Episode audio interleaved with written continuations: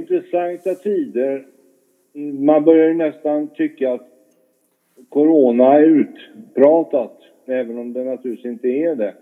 Men en vinkel som har kommit fram här, det är ju det här regeringsförslaget om exekutiva befogenheter som nu ligger ute på en 24 timmars remiss.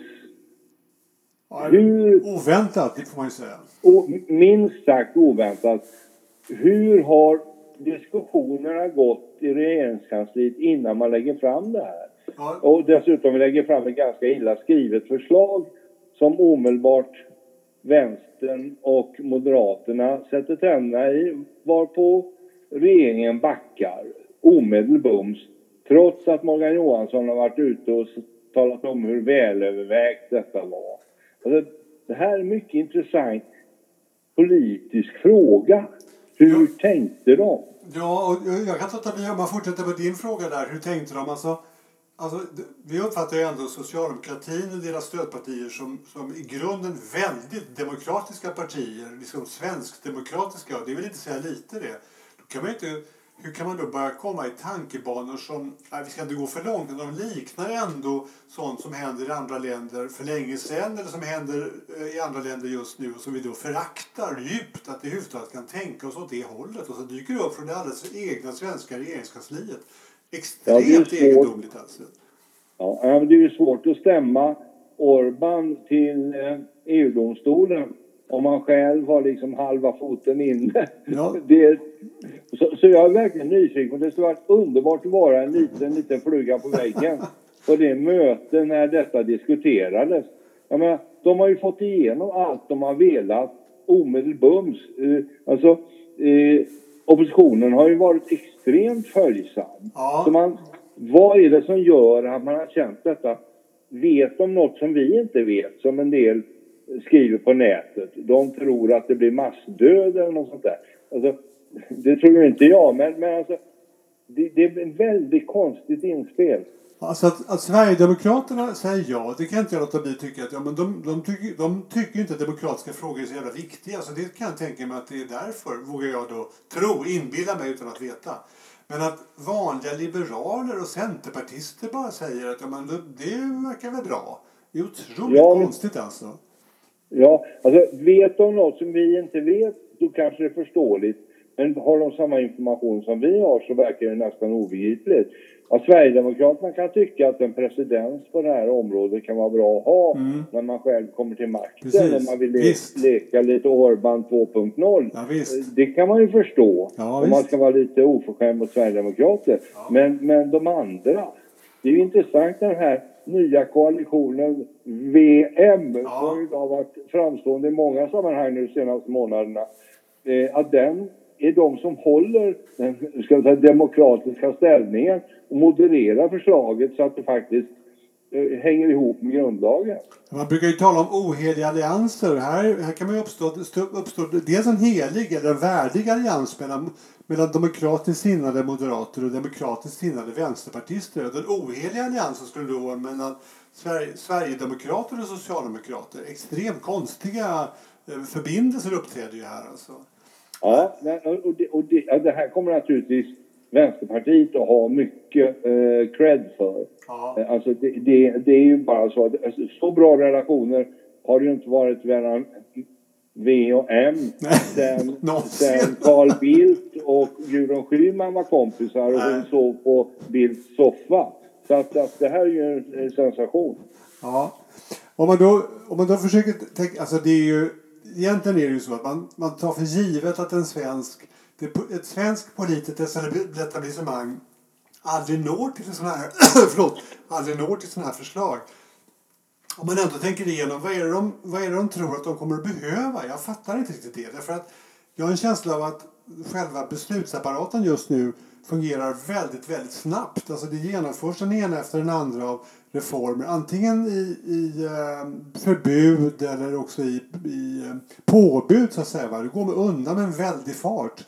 Och det är inte så att myndigheter eller sådär inte inrättar sig efter vad regeringen vill. Det är heller inte så att regeringen går i någon annan eh, riktning än vad myndigheterna vill. Så att det, det förefaller lite omotiverat om det inte är precis som du säger att det finns liksom någonting som vi faktiskt inte vet.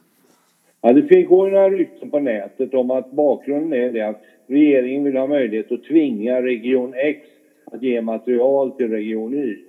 Och sådär. Men det tycker jag det här är lite overkill som åtgärd för att, för att åstadkomma en sån sak. Men vi har ju ett ledningsproblem i vår krisorganisation för att med de här stuprören mm, och så ja. samordningen genom MSB och så samordningen genom regeringens krisorganisation. Eh, eh, Alltihop det där är ju samordning, det är ju ingen chefskap. Så det finns ju egentligen bara en chef i vår krisorganisation och det är ju statsministern himself. Ja. Även om han gör sitt bästa för att visa att han inte har ansvaret så är det ju så att hela organisationen bygger ju på att det finns faktiskt, hinken stannar hos Löfven, punkt liksom. Ja. Och det är klart att det kan ju vara ett sätt att komma undan ifrån det, att, att, att göra den här ändringen. För då kan man ju kanske ge regeringens krigs, krisråd befälsrätt över regioner och över MSB och så vidare. Jag hörde en intressant story häromdagen om inbördeskrig mellan Socialstyrelsen och MSB när det gäller inköp av material. Där MSB helt plötsligt la av för de sa att Socialstyrelsen är överordnad då så nu får de sköta det här. Ja, Färdigt arbete. Alltså, och den typen av friktioner kan ju möjligen regeringen komma åt med den här lagen. Fast, fast det undrar jag om det verkligen är så. Därför att man, den typen av friktion kommer ju uppstå i alla fall. Alltså, oavsett var direktivet kommer ifrån, om det är riksdagsbeslut eller regeringsbeslut, så är ju den, det är ändå så att det krävs en administration för att genomföra besluten. Och man kan mycket väl tänka sig att man, de olika administrationerna eh, kämpar om eller, eller avsäger sig anledningen att genomföra det hela. Eller, eller kämpar om att, att genomföra det och vara ansvariga för det och kanske ta äran av det också. Allt det där kan ju uppstå i alla fall. Alltså, det hör vi ju alltid om i, i sådana auktoritärt styrda stater att det förekommer i alla fall. Man, man, man undviker inte det även om man har en toppstyrd eh, garnityr, toppstyrd eh, administration som där det finns någon högst upp som, som leder och bestämmer allting. Snarare tvärtom. Nej, Nej men det är sant. För, för friktioner uppstår ju alltid i kriser och sådär. Men, så, så det är ju nästan till oundvikligt. Men, men jag kommer ändå tillbaka till en av mina gamla käpphästar när det gäller svensk krishantering och detta, alltså delat ansvar är ingens ansvar. Och jag tycker att, jag tycker att det finns en tendens till att det håller på att växa fram även här. Att det kan ju vara så att bakgrunden till det här förslaget är att regeringen ser att det är lite väl mycket friktioner ute i administrationen och nu vill vi kunna sätta ner foten. Ja, ja, det är möjligt alltså. Det, det är lite grann så att det återstår att se vad det är som, om, om det dyker upp någonting som är någon sorts bakgrund eller anledning. Alltså, ja. för att annars kan man ju säga att efterspelet, och då menar jag inte kanske efterspelet till just det här lagförslaget, men efterspelet överhuvudtaget för Sverige är det att krisorganisationssättet, alltså det, att det behöver på något sätt kanske, det är dumt att säga militariseras, men ändå att det finns liksom att det uppstår någonting som liknar en militär organisation när det gäller sådana här typer av kriser. Det verkar väl rätt rimligt och då skulle ja, inte det här, alltså, skulle inte det här behövas. Vi har ju fyra utredningar som gått igenom det här och gett förslag. Ja. Och ingen, ingen av de förslagen har vi tagit ad notam. Och nu så sitter vi som enda land i Europa utan möjlighet att ha eh, någon form av undantagstillstånd om det inte är krig och örlog. För då, då finns det möjlighet att ÖB tar över och sköter ska säga, ruljanser, rapporterar till regeringens eh, och riksdagens krigskommissioner och så är det färdigt med det. Så där är ju eh, kommandokedjan väldigt tydlig. Men alltså att vi behöver en motsvarande kommandokedja även i gråzon och i kris. Det, det börjar väl bli mer och mer tydligt. Ja, och det är möjligt att, de, att det är så det kommer att förklara senare eller försvara senare det här senaste lagförslaget också. Då. Ja, men, men, men ändå så det skulle vara intressant att höra hur resonemanget har gått. Vad var det för sten i skon som utlöste det här? Ja. Vad var det som gjorde att Morgan Johansson eller Löfven eller vem det var blev förbaskad och sa nej, vi måste kunna bestämma. Men jag kan också jag funderar på om det möjligen kan också vara så att vi är på väg att överge den svenska linjen. Alltså det här öppnare sättet som vi har i vårt eget samhälle. Alltså i våra, framförallt i våra svenska tätorter. Att någon säger att det där är nog inte riktigt hållbart längre. Och då inser man kanske att för att, för att få folk att gå hem, vara hemma och faktiskt stänga ner eh, de, de sista butikerna, inte butikerna kanske, men ändå andra mottagningar av olika sätt där folk samlas. Så behövs det, räcker inte med påbud längre. För det är fortfarande så att mycket är ju inte förbjudet i Sverige. Nästan inget är förbjudet egentligen. Utan vi lever på folks goda vilja att efterhöra varningarna och efterhöra vad vi bör göra. Och att det kanske är det som, som eh, regeringen skulle vilja ingripa i. Det vill säga att hälsovårdsmyndigheter och smittskyddsexperter säger att ja, vi måste gå hårdare fram. Och för att det, vi, har, vi har kommit en bra bit med hjälp av folks goda vilja. Men nu måste vi ta i med, vi måste förbjuda helt enkelt. Och då tycker sig regeringen att då kan, man inte, då, kan man inte, då kan man inte låta kommuner och regioner ha synpunkter på det eller, eller införa lokala regler utan nu är det eh, nationella regler som gäller. Ja, det där är ju det där är en anständig anledning att, att införa det. Att ja. man ser ja. ett omedelbart behov.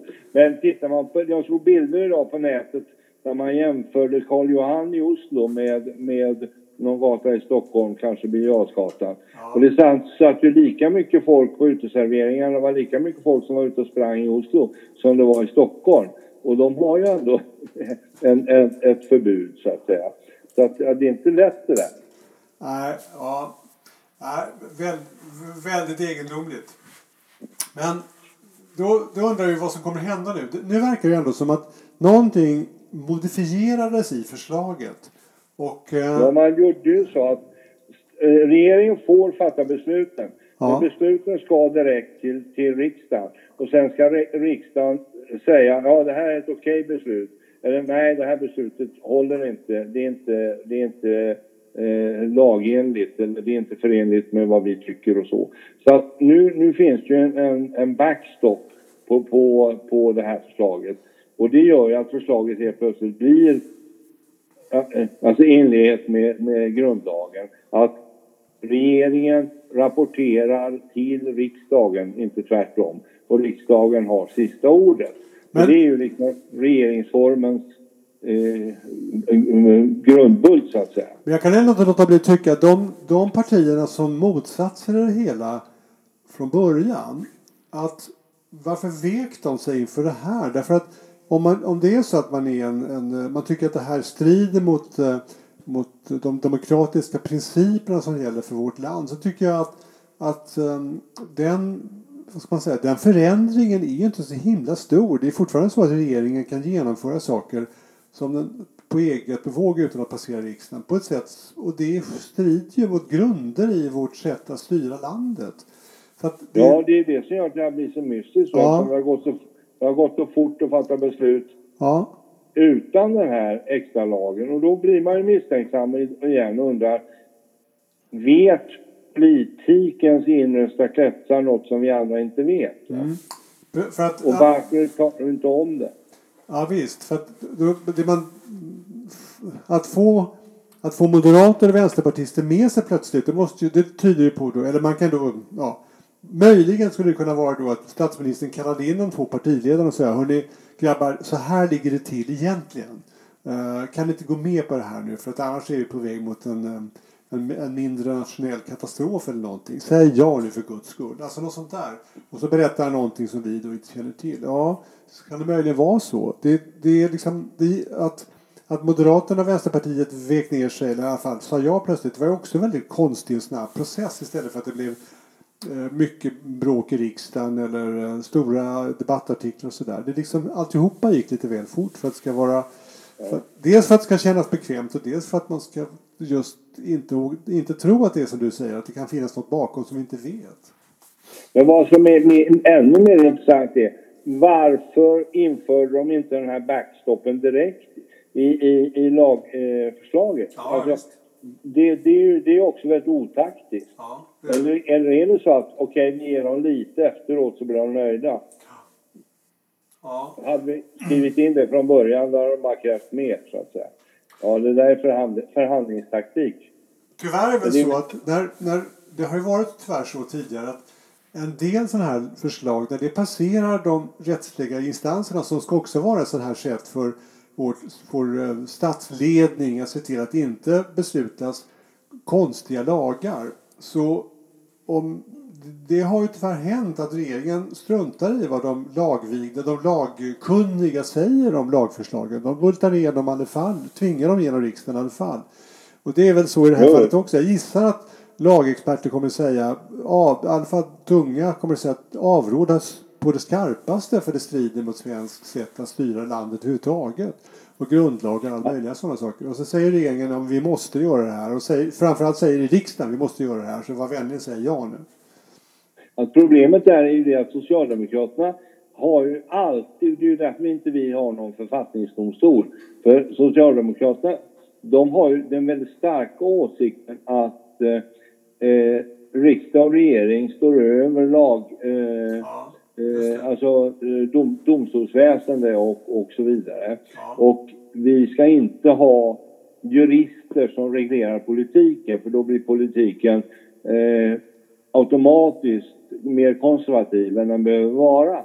Och, så det där, är, det där är ju en gammal ryggradsreflex hos eh, en socialdemokratisk regering att att ibland köra över lagrådet därför att där sitter det bara en massa justitieråd och gör sig märkvärdiga. Och det, och det obehagliga med det är ju att det är precis så man resonerar i Polen och Ungern. Ja, absolut. Bara, att det är något mildare svensk variant av det hela. Men principen är ju densamma. Att det är på något sätt Ja, men det är folket som ska bestämma eh, även hur saker och ting ska tolkas juridiskt. Det finns ingen, finns ingen anledning att låta juristerna bestämma hur det ska vara i det här landet. Eller eller låta dem ha sitt ord med i laget på något sätt. Det är otroligt obehagligt alltså. Ja, det är det. Och, och där har vi liksom lyckats balansera genom årtionden. Vi, vi klarade ju till och med 70-talet när detta var som mest akut så att säga. Och, men, men det är ingen tvekan om att det finns en, en liten hake i svensk författning mm, när det gäller maktdelningsprinciperna ja. som är väl värd att, att gå till botten med. Ja, det är verkligen så. Och det man skulle önska innan Sverigedemokraterna blir för stora att någon gjorde det ordentligt och uh, gav oss lite mer grundlag på något sätt att hålla oss fast i. Ja, det förvånar mig också i det här lagförslaget att Socialdemokraterna de, de spelar ju de spelar ju verkligen in bollen på, på Sverigedemokraternas planhalva. För ja, de ger ju så, eh, ett starkt eh, Sverigedemokratiskt parti all världens ut, ursäkter att göra precis som du sa inledningsvis. Mm. Införa undantagslagar i samband med bilbränder eller ja, whatever. Va? Ja, och sen är det ju så att vi har ju en sak som ligger och, och, och puttrar i bakgrunden här. Va? Och det är ju det här, många socialdemokrater, ledande socialdemokrater de vill ju införa en amnestilag för alla flyktingar 2015. Inklusive eh, de afghanska skolpojkarna. Det har ju varit eh, Bjäreld, med professorn i Göteborg och några andra. De har ju verkligen gått upp på barrikaderna om detta nu. Att det är omänskligt att inte ge alla som kom 2015 amnesti. Och det gör de, använder de här undantagslagen för att genomföra en allmän amnesti och skylla på corona, vet, då, då tar det hus i helsike politiskt alltså. För, det, för, för där tror jag faktiskt att, att eh, det vore ju att öppna dörren för Sverigedemokraterna att hitta på vad som helst om de skulle komma till makten. Men, men tror du att det blir så? Det låter inte, för, det låter inte särskilt troligt tycker jag. Nej, jag tror inte, jag tror inte, jag tror, jag tror ingen vågar det. Men, men det, är, det är ju ändå en fråga som har puttrat upp nu senaste dagarna. Mm. Ja. Jag kan inte låta bli att fundera på, eh, om jag minns rätt så är det så att lagen är tänkt att gälla i tre månader på något sätt. Va? Ja. Eller alternativt så länge coronavirusspridningen pågår och hotar samhället eller något sånt där. Jag tror att det är skrivet så. Och då undrar ja. man ju, hur, hur ser en sån lag ut sen? Förstår du vad jag menar? Alltså, när, hur bestäms det att uh, den inte behövs? Ja, tre månader är inte så svårt att veta hur länge det är. Och då, men det gissar jag att det i lagen står också att sen så ska det tas ut för förnyad prövning om det, om det kritiska tillståndet pågår. Ja, den måste ju upphöra med något datum och ja. sen alltså återskapas. Och då, det bara rulla på. Ja, och då får man hoppas att det, det förnyandet så att säga, genomgår en ordentlig process igen och inte bara fortlöper så att det är någon sorts löpande avtal som bara rullar på om man inte säger upp det ordentligt. Men jag kan ja. inte, jag vet inte riktigt hur det är skrivet. Men... Nej, jag har inte läst, jag har inte läst eh, remissen, eller underlaget för, för remissinstanserna så att, eh, så att eh, här, här famlar man ju lite. Ja.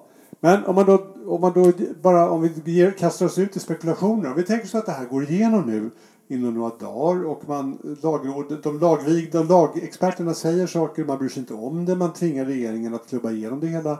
Så lär det vara ny lag inom kanske en vecka eller också just första vardagen efter påsk som det är klart. Ja, jag tror att det är lag på tisdag, senast torsdag. Ja, men det, ja, hur som helst, inom några dagar i alla fall. Då är frågan, vad är det vi kommer få se då? För då giss, i och med att det är så bråttom så gissar vi att ändå regeringen kommer göra någonting. Vad är det? Är det just som du säger att man kommer utfärda plötsligt bestämmelser där man går ovanför det regionala självbestämmandet och, och säger att ja, ni måste flytta patienter så och så och ni måste skjuta utrustning åt det det hållet. Sitt inte och spjärna emot nu, det är vi som bestämmer. Är det det vi kommer att få se? Eller är det just ett allmänt nationellt utgångsförbud av något nytt slag som vi inte har provat ännu i Sverige? Ja, vi... Alltså, att vi helt plötsligt tre veckor senare skulle införa allmänt utgångsförbud, det, det håller jag för helt otroligt. Det, det, det är för sent i så fall. Alltså, det vi skulle ha gjort, det hade ju varit att testa alla som landade ifrån Italien och Iran för sex veckor, veckor sedan och haft dem i, karantän på något hotell på Arlanda. Det, det hade ju varit... Men det är ju liksom det har ju runnit en miljon liter vatten under broarna sedan det beslutet inte togs. Så att, alltså att komma med allmän karantän, ja vad skulle det vara? Stänga in Stockholm då som, som Nyland i Finland? Så att inte ja. vi får åka. Alltså, jag har väldigt svårt att se det utan jag tror eller också, det... Ja, men det kan ju vara så det där det du säger, men testningen skulle ju kunna vara också. Att man liksom att man helt enkelt låter... Att man, har, man anser att man har tillräckligt mycket testutrustning för att kunna tvinga folk att bli testade.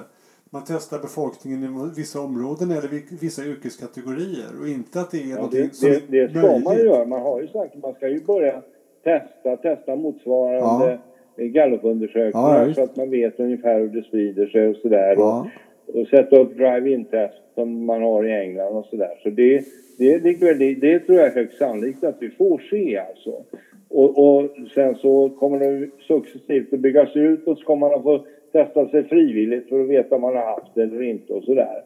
Eh, men, men möjligen, det jag tror mest, det är att det är till för att köra över det regionala självstyrelsen. Ja, det, det är man kan fördela eh, respiratorer och sjuksköterskor över landet eh, vad landsting och regioner än säger så att säga. Men det, det är det, bara en spekulation.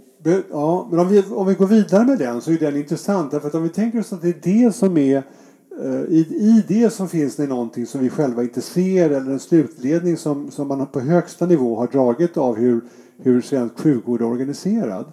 Och att det är det som behövs ett uh, regeringsdekret för att liksom klara av. Då undrar jag, då kan man ju undra hur ser hur kommer svensk sjukvård förvaltas därefter? För vi gissar att det är det som är anledningen och så sätts det igång en centralistisk eh, sjukvårdsplanering och så antar vi att den då fungerar lite bättre än att varje region gör det var för sig. Då ligger liksom vägen öppen för att egentligen lägga ner de svenska regionerna och införa ja, ja, statlig sjukvård. Alltså. Då, då kommer det här eh, gamla stridsropet. Eh, vården till staten omvårdnaden till kommunen, ja. regionerna bort. Ja, alltså det, det kommer som ett brev på posten. Ja. Regionerna förvandlas till uh, kollektiv, uh, kollektivtrafiksföreningar på något sätt. De sköter om buss och tågtrafiken och ja. minimeras till ett minimum. Och väldigt många människor blir utan jobb och väldigt mycket, väldigt mycket mindre kommer, uh, landstingsskatt kommer behövas om några år om man sköter det, ja. om man sköter det Men det är ju intressant, för att komma in på ditt fack, Sten, så är det väldigt intressant att man har i vissa myndigheter 300-400 kommunikatörer och ändå så måste man ta in retorikexperter för att klargöra vad myndigheternas eh, rekommendationer innebär. Jag menar, skulle inte de här kommunikatörerna på Folkhälsan, på MSB, på regionerna kunna skriva så att folk begrep vad de menar? Det, det är ju obegripligt tycker jag att vi har hundratusentals människor, eller hundratals människor som har som yrke att tala om vad som gäller, som inte gör det. Jo, jo jag vet. Men jag förstår vad du menar. Jag, ibland kan man drabbas av det. Jag måste, jag måste också ärligt säga till, till alla dessa informatörers försvar att det, det finns, det har, i moderna tider så är det så att allting måste, som sägs och uttrycks och förklaras måste numera sägas, inte bara hos eh, en, en, en fungerande telefonsluss och sånt där. Utan det ska läggas ut på nätet och det måste diskuteras på Facebook och det måste finnas en Twitter-version av samma meddelande. Plus att man måste meddela den alldeles vanliga pressen inklusive radio och TV. Och det gör att plötsligt så har man från att tidigare varit en person som kunde låtas intervjuas då och då. Och sen så visste man att de som svarade i telefon då i, i eh, telefonväxeln sa samma sak. Så har man plötsligt tio olika kanaler att hålla ordning på. Och det måste förnyas ungefär en gång i minuten annars verkar man liksom senkommen på något sätt. Va? Så att de har mer att göra och till det här behövs det rätt mycket vanligt folk som bara sitter och skriver och hanterar en massa ord och meningar. Så att det, den, mängden informatörer har lite grann förklarats av den här alla dessa olika sätt som vi numera äh, låter oss informeras via eller genom. Och, äh, det, det, är en av förklaringarna faktiskt. Ja, det förstår jag. Men, men det verkar som om vårt moderna svenska språkbruk, det här att vi till varje pris måste undvika att uttrycka oss rakt, ja. gör att det är nästan till omöjligt att skriva en, en begriplig text. Därför att det blir så mycket eh, omskrivningar och rundskrivningar och, och eh, för, för uppmjukningar så att det inte ska verka otäckt och det får inte kränka någon och alla måste känna sig inkluderade. Ja, och, och till slut och, och trygga. Ja, ja. ja, det kan väl ligga något i det. Det, eh, det är väl tyvärr så. Vi, vi gör så, vi gör, alltså det är så, är man en vanlig informatör eller informationshanterare så uttrycker man sig ungefär likadant som överheten. Och överheten är heller inte tydlig. Det är därför Agnes, Anders Tegnell är eh, blir lyssnad på. För han är ju ändå rätt kortfattad och ganska kon koncis. Och, och, när han inte riktigt vet så säger han jag vet faktiskt inte riktigt. Uh, och, och det är ju faktiskt befriande. Ja, det, det. det tycker jag. Ja. Och, så att, så att, men det, det kan man ju säga, det är ju inte ett vanligt sätt att uttrycka sig som, som ämbetsman eller som expert eller något sånt där. Utan det är ju tvärtom väldigt ovanligt. Mm. Och det är ju bra att det lyfts fram. Och han har ändå han har ändå någorlunda skaffat sig ett, en position på något sätt. Så vi lyssnar på vad han säger och, och väger det fram och tillbaka och tror i Ja, det måste jag säga. Det tycker jag är det som är, det som är positivt med ja. det här. Oavsett om den svenska modellen är rätt eller fel, bra eller dålig. Ja. Så har i alla fall nuvarande och tidigare smittskyddsläkare ja. lyckats, lyckats beskriva vad de tycker i stunden på ett begripligt sätt. Ja. Ja, men det är riktigt. Det som, det som alla värjer sig mot är ju den här um, frågan om hur man ska låta hur man ska välja väldigt sjuka patienter. Där, hör man, där märker man fortfarande att det är eh, väldigt svårt för, för, för sjukvårdsansvariga att tala klarspråk. Uh, och, och det är lite, det kan inte jag låta bli att tycka är lite egendomligt därför att den där typen av vägval, den står ju läkaren inför praktiskt taget dagligen på alla våra sjukhus. Det är ju ideligen så att man står inför att den här gamla personen kan inte andas längre och har inte gjort det på flera veckor. Ska vi verkligen låta respiratorn bara gå och gå? Det är ju inte, det är inget nytt, eh, det är inget ny obehaglig fråga som man står inför i en sjukvård. Det är bara att det är fler. Men, men det, står, det står ju varje landsting eller varje region inför, varje läkare inför dagligen gissar i Sverige. Det där är väldigt sant. Va? Det är som vår kompis neurologöverläkaren säger. Ja, men det här är ju standard. Ja. Alltså, det är ingenting att göra någon grej utav. Nej. Och det, det ställs ju inför varje vecka, den typen av beslut. Och, men det är klart att, att presentera det på ett smakligt sätt Mm, just det. Jag menar, ja, det är ju en sak vad 73-åringen tycker och en annan sak vad 43-åringen tycker. Ja. Alltså det är ingen lätt bild som att kommunicera. Inte i en värld där alla blir kränkta för allting. Nej. Det är verkligen sant. Och där, där, dit har vi inte nått än. Och det är framförallt ingen politiker, folkvald politiker som vill säga det. Man kan ju möjligen tänka sig att någon, någon eh, äldre professor eller läkare vågar säga att det är, så, det är så det ligger till och så har det varit alltid. Vi ska inte vara så oroade över att det sker. Därför det ingår tyvärr i läkarvetenskapen och läkarbehandlingen att det är på det sättet. Ja. Men, och jag kan mycket, men jag, så att någon borde ju kunna våga säga det. Men där, hur som helst, man märker att det där är det svårt att tala klarspråk. Uh, sen kan jag inte låta bli som, slut, som slutpunkt nämna en grej. Kommer du ihåg Tjernobylkatastrofen? Det var ju verkligen yes. tagna på sängen över någonting som... Det, det, började som ett larm från Forsmark. Vi trodde att Forsmarks kärnkraftverk hade spruckit liksom. För det dök upp konstig radioaktiv um, strålning utanför kraftverket. För det var, enda, det var enda stället där man hade riktigt fina mätinstrument i Stockholmsområdet. Och så, trodde, och så, så blev vi jättenervösa ungefär en timme. Så upptäckte vi någon att det kom från österifrån. Då dök det upp en kar från SSI, Svenska strålskyddsinstitutet. Som hette Göran eller Gösta någonting. Som ingen visste vem det var som varje dag i, i Aktuellt och Rapport berättade. Ja, vi tror att det har ramlat ner så och så mycket. Och vi tror att vinden vänder nu. Och vi tror att det här kommer dyka upp i svamparna till, till våren. Och vi tror att man inte ska äta spenatblad. Han blev också en folkhjälte utan att han någonsin visste någonting riktigt men ändå talade om det han visste och kunde förklara så långt han kunde för oss vanliga mm. svenskar. Han är folkhjälte även han. Han liknar på något sätt Anders Tegnell rätt mycket. Ja, det är sant. Alltså, den Eh, tolken utav den svåra verkligheten. Precis. Ja, och han duckade inte heller. Han var också väldigt kortfattad och, och lite fundersam sådär när han talade på ett, på ett värdigt sätt. Och han förstod att man verkligen ansträngde all sin expertkunskap till det yttersta för att kunna förklara för oss tv-publik om hur det låg till nu. Utan ja. att kunna säga, ja, väldigt sådär... Gammal fin ämbetsmannatradition. Precis, exakt så. Exakt så. Ja,